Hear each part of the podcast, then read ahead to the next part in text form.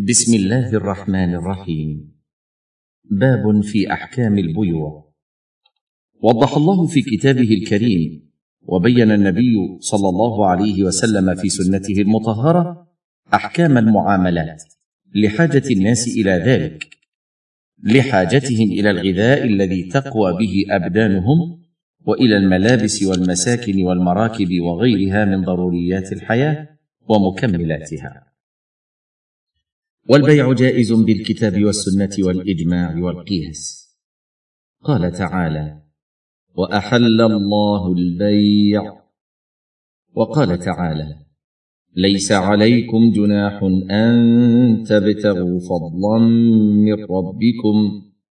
وقال النبي صلى الله عليه وسلم البيعان بالخيار ما لم يتفرقا. فإن صدقا وبينا بورك لهما في بيعهما. وإن كذبا وكتما محقت بركة بيعهما. حاشية. رواه البخاري برقم تسعة وسبعين بعد الألفين ومسلم برقم اثنين وثلاثين وخمسمائة بعد الألف. انتهى. وقد أجمع العلماء على ذلك في الجملة. وأما القياس فمن ناحية أن حاجة الناس داعية إلى وجود البيع لأن حاجة الإنسان تتعلق بما في يد صاحبه من ثمن أو مثمن وهو لا يبذله إلا بعوض فاقتضت الحكمة جواز البيع للوصول إلى الغرض المطلوب. وينعقد البيع بالصيغة القولية أو الصيغة الفعلية. والصيغة القولية تتكون من الإيجاب وهو اللفظ الصادر من البائع كأن يقول بعت.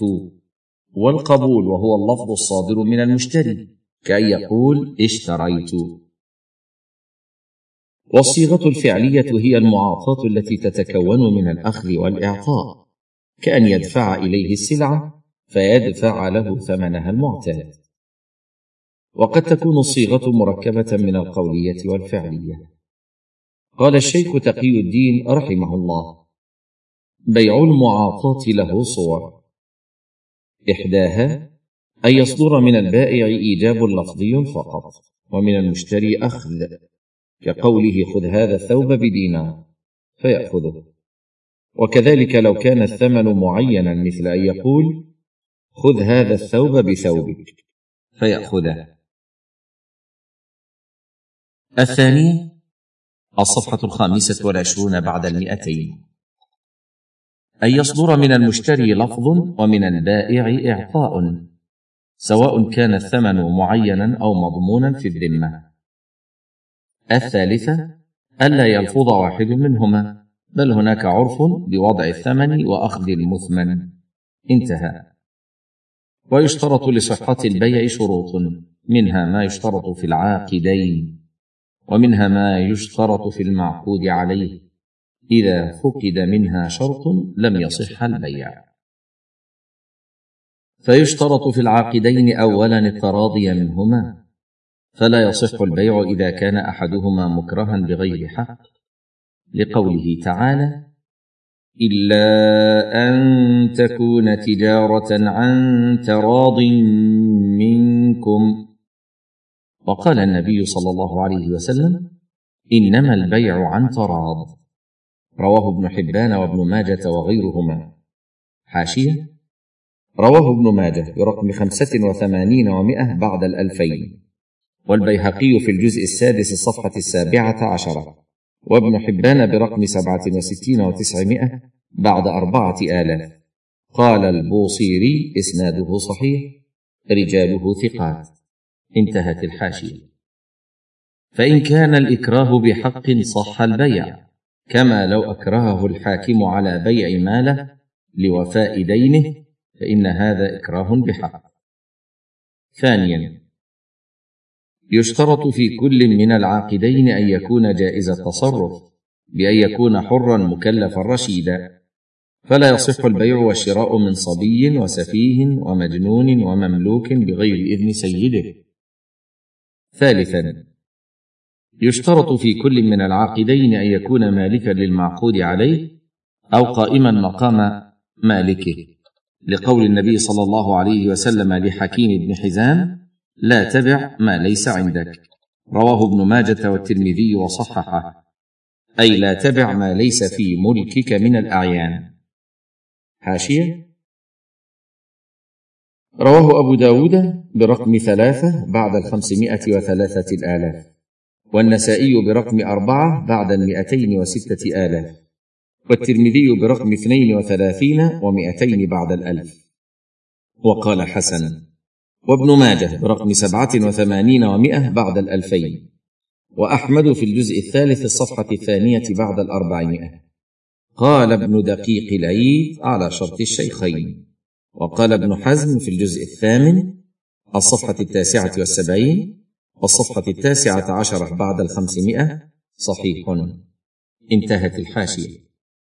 قال الوزير اتفقوا على أنه لا يجوز بيع ما ليس عنده ولا في ملكه ثم يمضي فيشتريه له وأنه باطل. ويشترط في المعقود عليه في البيع ثلاثة شروط. أولا أن يكون مما يباح الانتفاع به مطلقا. فلا يصح بيع ما يحرم الانتفاع به كالخمر والخنزير وآلة اللهو والميتة. لقوله صلى الله عليه وسلم إن الله ورسوله حرم بيع الخمر والميتة والأصنام. متفق عليه. حاشية. رواه البخاري برقم ستة وثلاثين ومائتين بعد الألفين ومسلم برقم واحد وثمانين وخمسمائة بعد الألف. انتهى. ولأبي داود حرم الخمر وثمنها وحرم الميتة وثمنها وحرم الخنزير وثمنه حاشية؟ رواه أبو داود برقم خمسة وثمانين وأربعمائة وثلاثة آلاف. والدار قطني في الجزء الثالث الصفحة السابعة. وأبو عوانة في الجزء الثالث الصفحة الثانية والسبعين والثلاثمائة وحسنه ابن الملقن في التحفة في الجزء الثاني الصفحة الرابعة. بعد المئتين. انتهى. ولا يصح بيع الأدهان النجسة ولا المتنجسة. لقوله صلى الله عليه وسلم إن الله إذا حرم شيئا حرم ثمنه. حاشية رواه أبو داود برقم ثمانية وثمانين وأربعمائة بعد ثلاثة آلاف. وابن حبان برقم ثمانية وثلاثين وتسعمائة بعد أربعة آلاف. والدار قطني في الجزء الثالث الصفحة السابعة. وابن المنذر في الأوسط في الصفحة الخامسة والثمانين بعد الثمانمائة. والضياء في المختارة برقم أربعة وتسعين وأربعمائة. وصححه ابن الملقن في التحفة. انتهت الحاشية. وفي المتفق عليه أرأيت شحوم الميتة؟ فإنها تطلى بها السفن وتدهن بها الجلود ويستصبح بها الناس. فقال لا وهو حرام. حاشية؟ رواه البخاري برقم ستة وتسعين ومائتين بعد أربعة آلاف ومسلم برقم واحد وثمانين وخمسمائة بعد الألف. انتهى.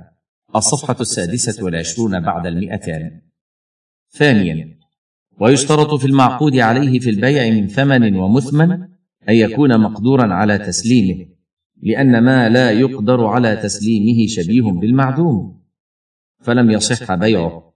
فلا يصح بيع عبد آبق ولا بيع جمل شارد ولا طير في الهواء ولا بيع مغصوب من غير غاصبه أو غير قادر على أخذه من الغاصب.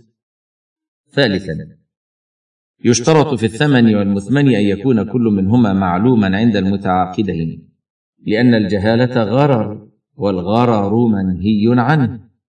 فلا يصح شراء ما لم يره أو رآه وجهله. ولا بيع حمل في بطن ولبن في ضرع منفردين.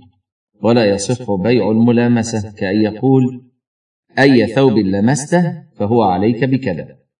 ولا بيع المنابذة كأن يقول أي ثوب نبذته إلي أي طرحته فهو بكذا.